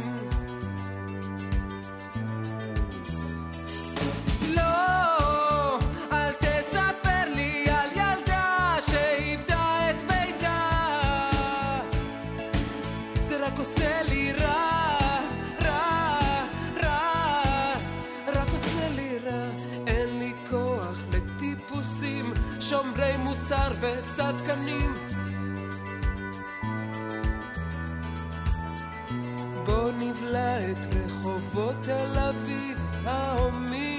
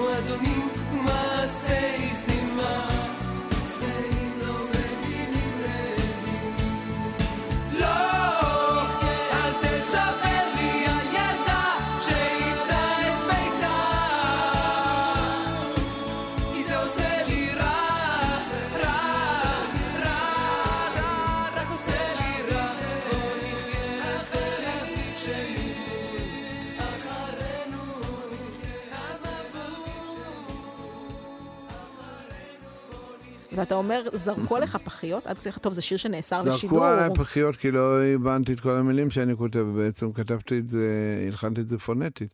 לא רציתי להביא חיתנורית ולהגיד שאני לא מבין על מה אני שר כשאני מלחין, אבל בעצם הייתי עדיין עולה חדש. לאט לאט, בסוף אנחנו נוציא ממך את זה. אמ, אה, אם היית יודע על מה השיר, זה היה משנה משהו? אה, לא הייתי מביע דעה, כי גם לא ידעתי מה זה ערבים. ולא ידעתי מה זה יהודים, ואני פתאום שנה וחצי בשלום הגליל בתוך הנגמ"ש שמקבל אה, פגז וחבר שלי עומד לידי, ואני לא לגמרי מבין למה הוא מת, ואני לא לגמרי מבין במי יורים ולמה יורים, ואת כל הדעות האלה מתאספות הרבה יותר מאוחר, מכיוון שברוסיה, בתור אה, גם יהודי, אתה לא בדיוק אה, מקבל חינוך, לך לשלום הגליל ותתנהג שם בצורה מאוד מסוימת, תשתדל להרוג כמה שיותר מחבלים. אז אה, הייתי קצת בובה. אה, לא ממש אה, חייל שמבין, כי לא הסבירו לי במי נלחמים ולמה נלחמים. גם טבעית, כאילו לא רכשתי כל כך מה שאני יכול היום לרכוש דרך חדשות ולהבין, פה היה פיגוע, שם היה צער, כן. פה היה זה. כל הדברים האלה מתאספים הרבה יותר מאוחר, אתה פשוט אה, חייל. כמו בסרטים האלה של לא, פלטון חיילים- ואפוקליפסה עכשיו, אתה. לא יודע על מי אתה יורה. בדרך כלל מעדיפים גם שלא לדעת, זה יותר קל לעשות את לא, הניתוק. לא במובן הזה, כאילו לא הייתה לי שום דעה, דעה, בטח לא פוליטית, עד היום אני לא פוליטי, אבל לא הייתה לי שום אה, הבנה. אתה בטוח שעד היום אתה לא פוליטי? אתה כאילו זה... מיליון אחוז, אני לא פוליטי. אני, אה, סליחה על הפלצף, אה, אני חוקר טבע האדם, לא פוליטיקה. מבחינתי, אם הוא שמאלני והוא בן אדם טוב, אני רוצה לאהוב אותו. ואם הוא שמאלני ובן אדם לא טוב, אני פחות רוצה ללמוד אותו. טוב, אני, יש לי מניפסט שלם על פוליטיקאים לא, ופוליטיקה, לא, זה לא אותו בינם דבר. לבין עצמם כן, יש כן. סכסוך. אה, כמו שאנחנו בינם מוזיקאים. חדשות עכשיו, ארכדיה, אנחנו יוצאים עכשיו. המוזיקאים החיסונים אחד את השני, הם לא, לא חברים של מוזיקאים. מוזיקאים לא חברים של מוזיקאים. די, לפני משלם- רגע אמרת שמיכה חבר שלך, לא, ושם לא, טוב לא, לא, לוי לא, חבר לא, לא, שלך, לא, ו- לא, לא, לא, לא. כן. יש גדר קטנה, שמחוצה לה, אם אתה רוצה לארח מישהו, תתחיל מ-35,000 שקל, הוא יבוא להתארח, הוא לא- הוא יהיה חבר שלך. Mm, יש סטנדרטים שהם לא רגשים. לא מפרגנים. לא אמרתי לא מפרגנים. העסקים, you know, זה, אין שם רגש.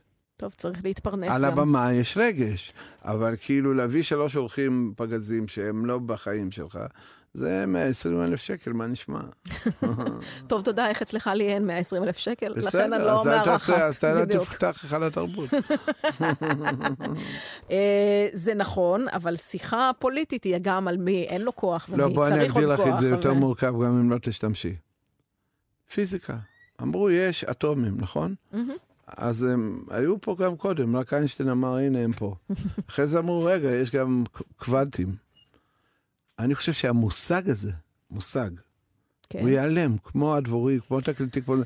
זה לא מחזיק. לאורך שנים, הדבר הזה, הטכנולוגיה הזאת של פוליטיקה, לא מוכיחה את עצמה כפתרון יציב לשלום בית. זה לא עובד.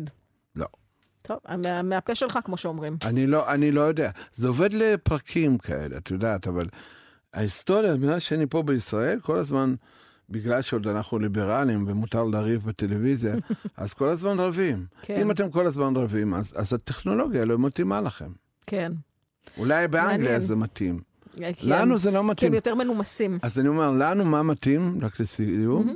זה הנהגה רוחנית, לא דתית. רוחנית, עגולה. שלמשל איזשהו סנהדרין כזה, אבל לא של דת, אני גם אוכל שרימפסים, לא שומר שבת. לא, של תרבות, ותרבות במובן הרחב. חייבים להסכים כולם. נגיד, מחליטים עשירייה כזאת, חייבים להסכים. בלי זה לא יוצאים מהחדר. זה חלום שאני... אבל בלי זה זה לא. יקרה. אני מסכימה. עד אז הדברים היו נסבלים, לא יותר. אני, צר לי להיות הבן אדם שמחזיר אותנו אה, ליום לשטויות. הולדת לא, 60. ברור שלא יום הולדת 60 שלך, אבל אני רוצה להשלים סריה, זה ברביעיות, אני לא יודעת אם זה היה יושב באותה, באותה קבוצה, כי אמרנו אריק איינשטיין ואמרנו נורית גלרון, ואני חשבתי שראוי להזכיר לציבור שאתה הלחנת גם את שיר ערוץ הילדים. ערוץ הילדים זה אנחנו, ביחד נישאר. זה לא דבר מובן מאליו, אחותי, ארכדי. אני כתבתי 40 אה, פסקולים למוזיקה, הצגות וסרטים. יש הבדל בין הצגה בתיאטרון, לא, וסרטים ואוסקר, וערוץ הילדים, ארכדי, זה לא אותו דבר. אנג'לינה ג'ולי. נו, עשיתי מוזיקה לסרט שלה. אתה משווה? רגע, שתי כן. שירים במקום ראשון ברוסיה, אני, במצעד. אני חושבת שבצדק. אגב, זה אה, סרט שבעיניי זה היה מבוקש, נכון? Wanted, לא כן. אהבו אותו מספיק, והוא מצחיק בעיניי, הוא נהדר. הוא חמור, לא כל כך מצחיק, הוא גם... אה, לא, הוא- אם לוקחים אותו בהיגיון מתאים, אז הוא מצחיק. אה, מה עוד לא יודעים? אה, ערוץ ויבה גם היה את ההמנון, ורגע, אבל שלוש אלבומי ילדים די קלאסיים למי שעוקב אחריי. אבל זה בדיוק העניין. אחלה כשזה זאווים, קל- אני... אה, מר מתוק. ארכדי, אתה לא תצליח להסיט אותי. מהנושא. כשאתה עושה... ערוץ הילדים זה מה ש... כי אני אגיד לך מה, כשאתה לא עושה. אלבום ילדים איכותי, זה הגיוני, זה מה שנקרא באנגלית on brand, זה מתאים לך. זה כמו שיוני רכטר עושה הכבש השישה עשר, הוא עדיין איכותי, הוא נשאר איכותי, זה הוא. ערוץ הילדים זה דבר שלא היו מקשרים אליך, זה לא דבר שמתבקש שתעשה, זה לא בסד- מובן מאליו. יש בסדנה עם אלטון ג'ון, עם הבחור הזה עם הזקן, שבדרך כלל חוקר שחקנים. אה, ב-Inside the Actor Studio, כן, עם ג'יימס ליפטון. בסוף נותנים לו להלחין עיתון. תאמיני לי, הוא, הוא מעיף לך את המוח, הוא עושה מזה מה זה שירים. ככה אני התייחסתי באותה תקופה להלחנות. תביאו לי טקסט, מה שצריך אני נעשה. אני עף, אני נהנה. אני אף פעם לא מזלזל. Mm. כמובן זה לא כאילו מיין קאונף של היטלר. כן, לא, כדאי שזה יהיה טקסט שאתה עומד מאחוריו אבל לפחות כאילו אני קצת. ראיתי בכל דבר הלחנתי אתגר אה, עמוק שמפתח ו... ומאתגר, ואף פעם לא, חוץ מאם אתה באמת פוגע ב... ב... באיזה נפש אה, זה, אבל אה, כאילו כל אתגר. ויש שם בסוף, שנותנים לו עיתון, הוא אומר, אה, אני אוהב את זה, והוא מדבר בכלל איזה טקסט כזה פה, והוא מלחין על. הוא מלחין על אלטון ג'ון, זה אני נכון. לא פחות טוב, אבל לא נורא. אתה, אתה נהדר, למה להשוות? למה לא גם וגם? יש מקום לכולם, אני יכולה לשמוע קצת אלטון ג'ון וקצת ארכדי דוכין. אה, אני, אוקיי, זה מקובל עליי, אגב, באמת, מבחינתי, כשהעבודה נעשית אה, היטב וברצינות, זה בסדר, אני רק לא, אומרת אבל שלא התשובה מצפים. לערוץ הילדים היא מצחיקה, אני אסביר לך למה. כי הרבה פעמים באים אליי, אומרים לי, אתה זוכר את זה? אני אומר, לא, מה זה? זה אתה כתבת. אני אומר, לא יודע, יש לי מעל אלף שירים, אני לא זוכר את כולם. אבל, אה, אבל במגירות יש לי גם אלף. טוב, אתה כותב, אמרנו, חמישה שירים כל יום, זה... אתה עובד על חמישה שירים אז כל יום. ישבו אנשים אחרי מותי וימיינו. אני מתחיל למיין מעכשיו שיהיה להם יותר קל. את הספאם אני שורף. אתה יודע, מאיר שלו אה, אמר עוד אה, לפני שנפטר, שהוא מתכוון להשמיד את כל הדברים שהוא לא פרסם, כדי שחלילה לא יעלה על דעתו של איש לפרסם איזו טיוטה לא מוצלחת שלו. אני לא חושב ש... ופה אנחנו נוגעים בעוד נושא כואב.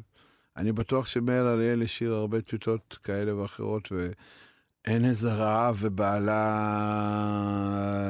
לרוץ ולחקור את כן, זה. אף אחד לא מחפש את הטקסטים האלה, אתה אומר, כן, לצערנו. זה, זה, החשיבות של המטרה הזאת היא קצת נשחקה. בלדה על איש שהחליף את הירח. הוא הסתיר את עצמו מעיני קהל, ובכלל מכל סוג עיניים. לפעמים עבד כדי להשיג מזון, או כדי להחליף גרביים. הוא פחד מעצמו וחשב לעצמו שכולם פוחדים ממנו. תמיד הייתה בו איזו חולשה, אך הצורך להגיע לפירושה היה הופך לתשובה קשה, שזה ישנו ופתאום זה איננו. לא היה לו אח, או אפילו חבר, בעצם למעט הירח. הוא היה בודד ודי חיוור, רק יוצא ומיד בורח. הירח לעומת זאת הקפיא, ערב ערב התייצב והופיע, וכולם אמרו, הוא פשוט להיט. הירח הזה עוד יפתיע. וככה הם חיו האיש והירח, כל אחד בדרכו, הירח יוצא, האיש בורח. הירח שר, האיש צורח. הקשר בין איש לירח עלה והתפתח. וביום אחד,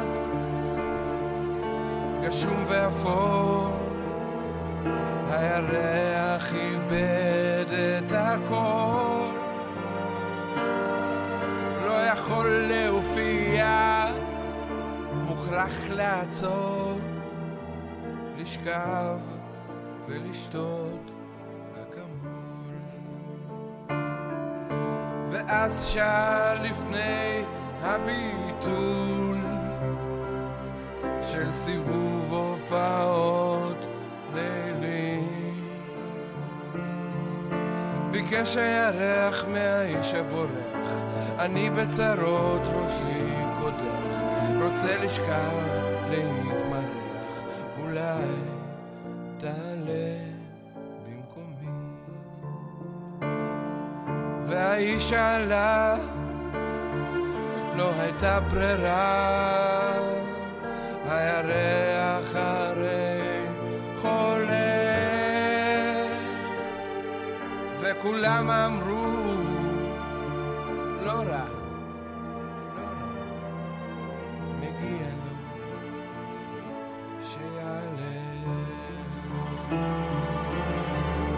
וככה הם חיו האיש והירח, כל אחד בדרכו, הירח יוצא, האיש בורח. הירח שר, האיש צורח. הקשר בין איש לירח הלך והתפתח.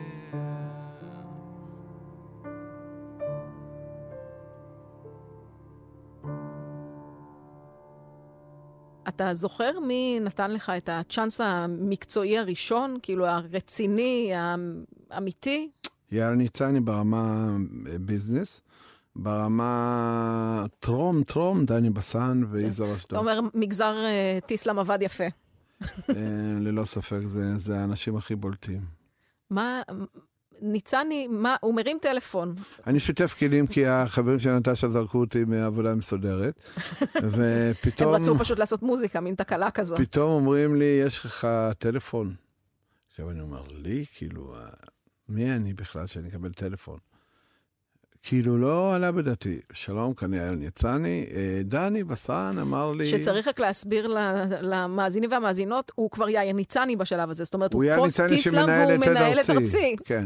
הוא אומר, דני בסן לפני כמה חודשים הביא לי את הקלטת שלכם, לא כל כך התייחסתי, אבל אה, אמרתי, אני אקח את זה עוד פעם, ואז כנראה העסקים עשו הרבה יותר מהר מהיום.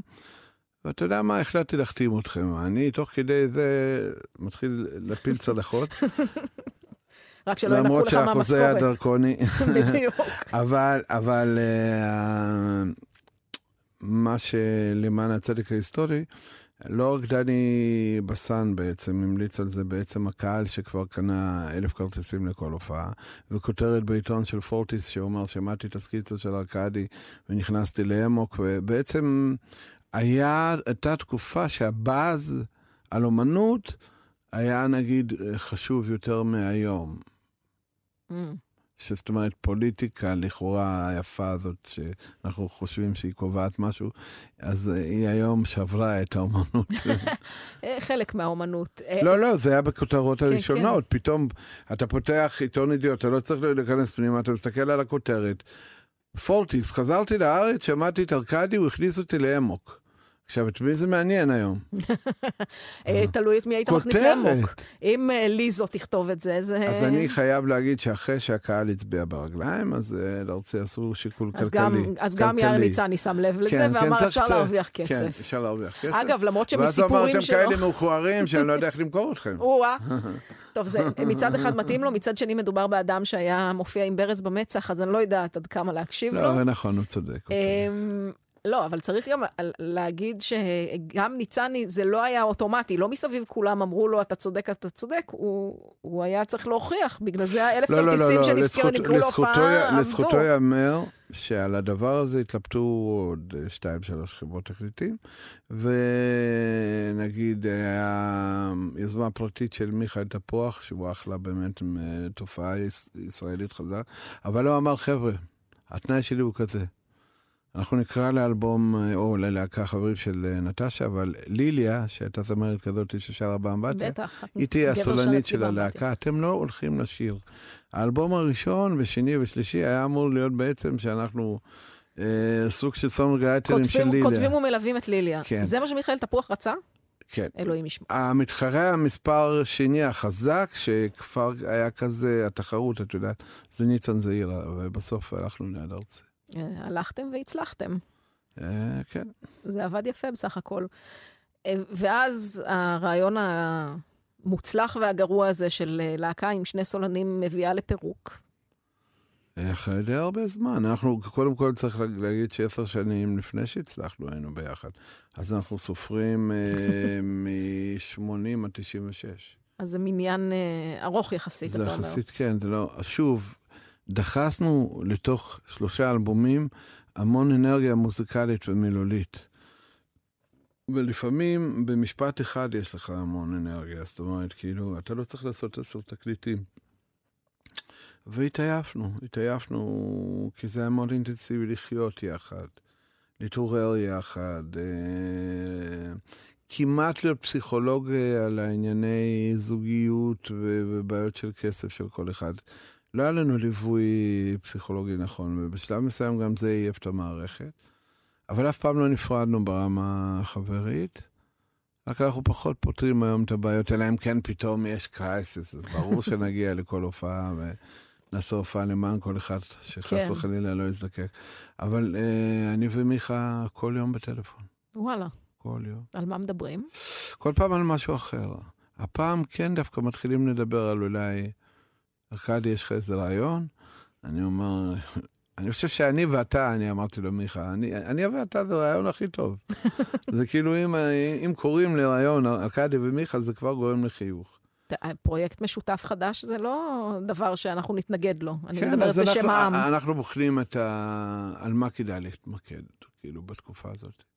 ואני הצעתי לו דווקא אולי לכתוב, כאילו ליצור שתי חבר'ה צעירים, דווקא לכתוב להם, לאו דווקא... אם כי יש, לבצע בעצמכם. אם יש כמה שירים של נטשה לכאורה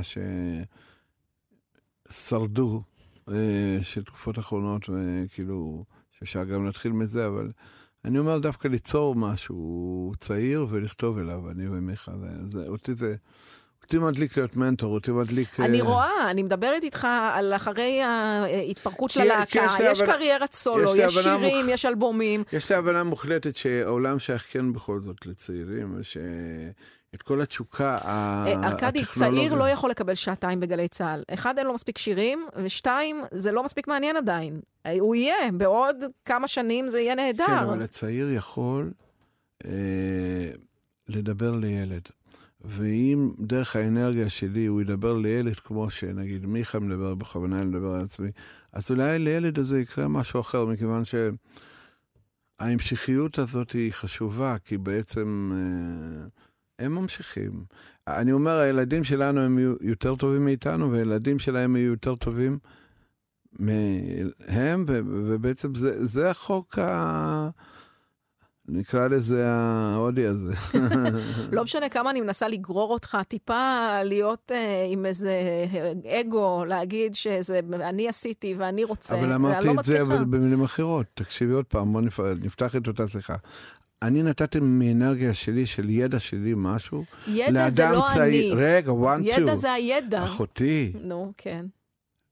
מהכישרון העצום שלי, או, או, והכישרון העצום של מיכה, נתנו כן. משהו לאדם שהוא אופנתית והחלב עוד לא התייבש לו בשפתיים. יכול לדבר לקהל, נגיד, בני טיפש עשרה. ואף פחות. בזכות זה העברנו איזושהי אנרגיה לאותן אה, נשמות כאילו צעירות. הכל בסדר. אם אני ומיכה יוצאים עכשיו, אז הממוצע שלנו יהיה 30-40 במקרה הטוב, במקרה... שגם אנחנו אוהבים לראות הופעות. נכון, אבל אנחנו נשמר נוסטלגיה שלי לא תכלית, כי אתם כבר קיבלתם. זה לא פייר, צריך לתת גם לדור צעיר. אה, מה- מה עולה לך כסף לעשות גם וגם? לא, אבל כן, התשובה היא כן. אגב. הש- השביל הזה של לטפח דור צעיר, הוא תמיד אני, שוב, שלא תבין לא נכון, אני חושבת שאתה צודק ואני מסכימה לא איתך בשביל להגיד אני בטיפוח. אופנתי רק, אלא בשביל להגיד, רגע, היו פה פעם מילים, היו פה פעם מנגינות, ואפשר גם לעשות שיר שהוא נצחי, שהוא נשאר מעבר לשלושה שבועות. תני לי עכשיו שיר לשלוש-ארבע שנים האחרונות שנשאר ליותר מנגיד שנה. קשה למצוא כאלה. יופי. לפחות, אז, אה, לפחות אז, ב- אז בספירה של אנחנו הלהיטים. בצומת שאנחנו מסכמים את היום הולדת שלי, לא רק בזכותי, גם בזכות מיכה. יצרנו כמה שירים זה שהם מדהים בינתיים שאנחנו עושים תוכנית קיימים. עליך ואתה רק כל הזמן אה, נותן אה, קרדיט למיכה, לא, אבל- ומגיע לו, הכל בסדר. תראי, כשאת נכנסת אליי לאולפן יש את תקליטי זהב, כי פעם ראשונה תליתי. לאחרונה אמרתי, מה זה יאללה, לאחרונה? אה, חצי שנה. אני לא מאמינה. ואני אומר, אדם שעשה שינויים בהרגלי הצריכה, שעשה רדיו בלה בלה, אתה כאילו רק עכשיו אבל זה את לא התקליטי צניעות, זהב. אני לא בן אדם צנוע. אז אבי, אני למה? צנוע?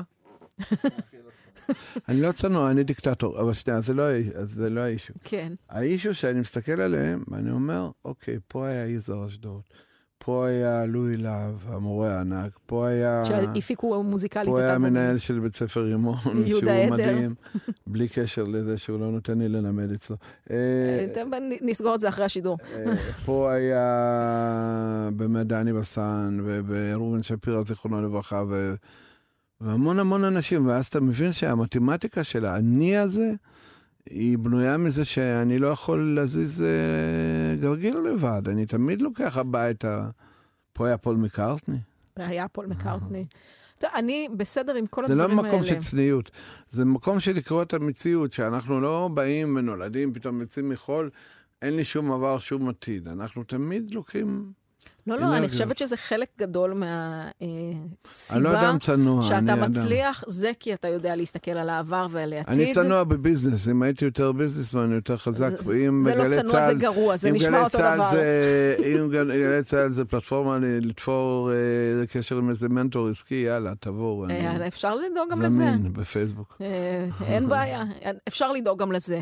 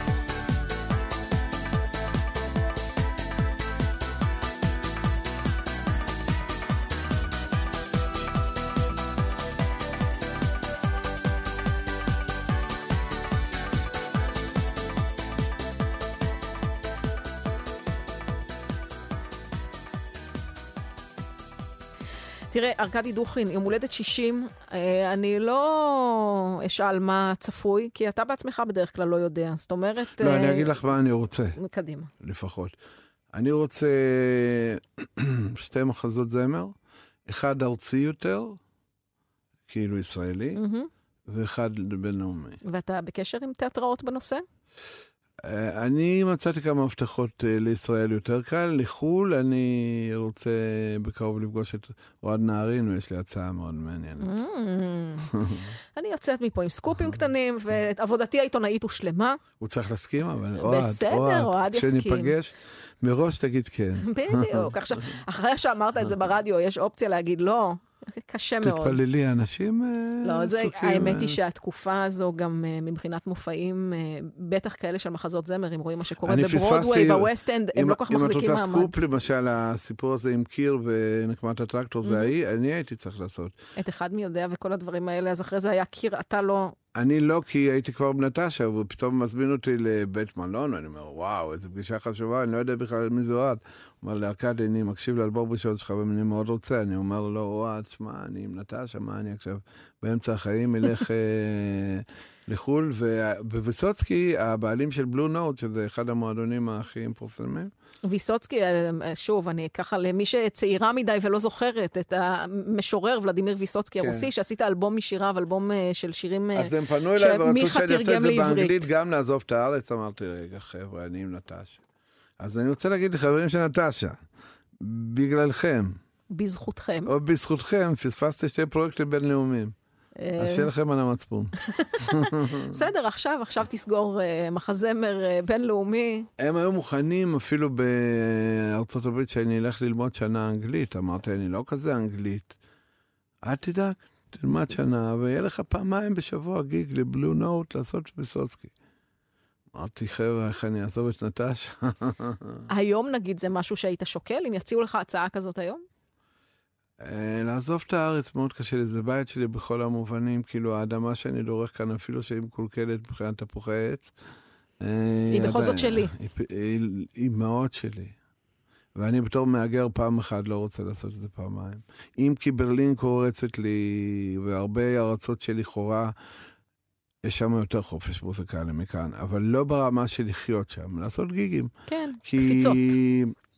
אין פה חופש אומנותי. בעיקר. בגלל עריצות המסחר. לא, לא יודע למה. זה עובדתית, עובדתית. יש פה ציר שהסוף שלו נגמר איפשהו כן אצל מנהל בנק, ואם המנהל בנק מבסוט, אז אתה מוזיקאי טוב, ואם הוא לא מבסוט, אז משהו לא בסדר בכלל. אבל לא משנה איזה מוזיקה אתה עושה, הוא צריך להיות מבסוט.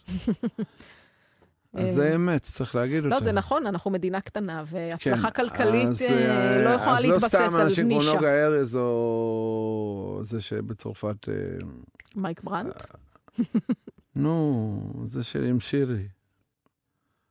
אה, אסף אבידר. אסף אבידן. אסף אבידר. אה, כן, כנראה שהם צריכים את הרוחב הזה. ואני ויתרתי על רוסיה, כי היה לי הצעות ענקיות שם. אמרתי, מה עכשיו, טרנסיבילית, לנסוע עם כל האלכוהוליסטים ולעשות טורים. היה לי מספיק מזה. טוב, אנחנו, אה, מה זאת אומרת? לא נסתפק, נשמח בך, בזה שאתה נשאר אה, בישראל. חוגג 60 ועוד, אמרת שאתה מתחיל לחשב את הסוף. לא, זה לא האמצע. לחשב את הסוף. אתה שומע את לנצל את הטקטוק. היום, אוקיי, התכוונתי. לא, כי זה האמצע, יש 60. מנ- יש מנגנון בשלב מסוים שאתה אומר שאם אתה חולם, אה, אם הייתי אומר משהו רוחני, בודהיסטי כזה, לאו דווקא יהודי, תחשוב הרבה הרבה הרבה, אבל פשוט תגדיר מאוד את החלום שלך ואל תתפזר. כי יש, אה, בעידן שאנחנו חיים, אה, בקלות אתה פשוט מתחיל להתנדנד כמו איזה מפרש כזה בסערה. נורא חשוב להתמקד, ואם מנתחים דווקא יצירות כמו בלבלה, כן. עם אנשים מפוזרים כמו ארכדי ומיכה, ויצירות כמו שינויים בגלי הצריכה או אלבום ראשון, מה שאפיין אותם זה גם מיקוד, שלא עשינו כלום במקום זה. והרבה פעמים אני מרגיש שהשעון הזה אה, מזכיר לי שהרבה פעמים אני... עוזר לך להתמקד. הספינה שטה לפ- לפני שהופעל. כאילו, אני קצת זה, קצת זה, קצת זה, קצת זה. אה, סחטיין עליך. חגיגות יום ההולדת ה-60. חגיגות. זה חגיגות. היה מופע שקיעה בשוני, ביום הולדת היה. אני בורח. יש, אה, גם עם הנטשות מופיעים, יש. יש באוגוסט, בתחילת אוגוסט, מופע חגיגי אה, שכולל מלא אורחים, יש. זה חגיגות מבחינתי. אתה לא תוציא לי את החדווה של לחגוג את כמה אתה ענק, ארכדי, זה לא יקרה. כמה שלא תנסה. בסדר? אני אגיד שאתה מושלם ונהדר, ואתה תגיד מה שאתה רוצה. אני אוהב את החיים, אני אוהב את אשתי, אוהב את ילדיי, אני אוהב את הקהל שלי. אני הרבה יותר uh, מפעם מסתכל להם בעיניים, בלבן של העיניים. מה שאפיין אותי דווקא שפורש כארכדי דכדוכין זה בושה. היום אני, כשאני יושב בהופעה, אני מחפש את העיניים של אנשים, אחרת אני לא יכול להגיד משהו. ואני חושב שזה השינוי הגדול שאני יכול להגיד. אני אוהב להופיע, ואף פעם לא אמרתי דבר כזה. זה רק ב-20 שנה האחרונות, כאילו, אני יותר אהבתי להיות באמת בא- באולפנים, אבל אני לא אוהב את העסק סביב המקצוע, זה קשה. בסדר, בשביל זה מעסיקים מישהו אחר שיתעסק בעסק, ואתה תתעסק גם הם לא במוזיקה. אוהבים, אה, זה סקופ. אבל זאת העבודה שלהם, ואתה יכול לכתוב מוזיקה בכיף שלך. אה, ארכדי דוכין, תודה רבה. תודה. יום הולדת. שמח, תודה רבה. ובשמחות, אנחנו ניפגש, אני בטוחה, עוד נגיד עשור, נעשה עוד אחד כזה. יאללה, נספור עוד איזה כמה מאות שלי. שבת שלום.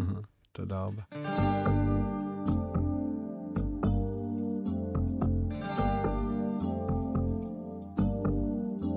היו היה אחד טוב לב, אבל קצת טמבל.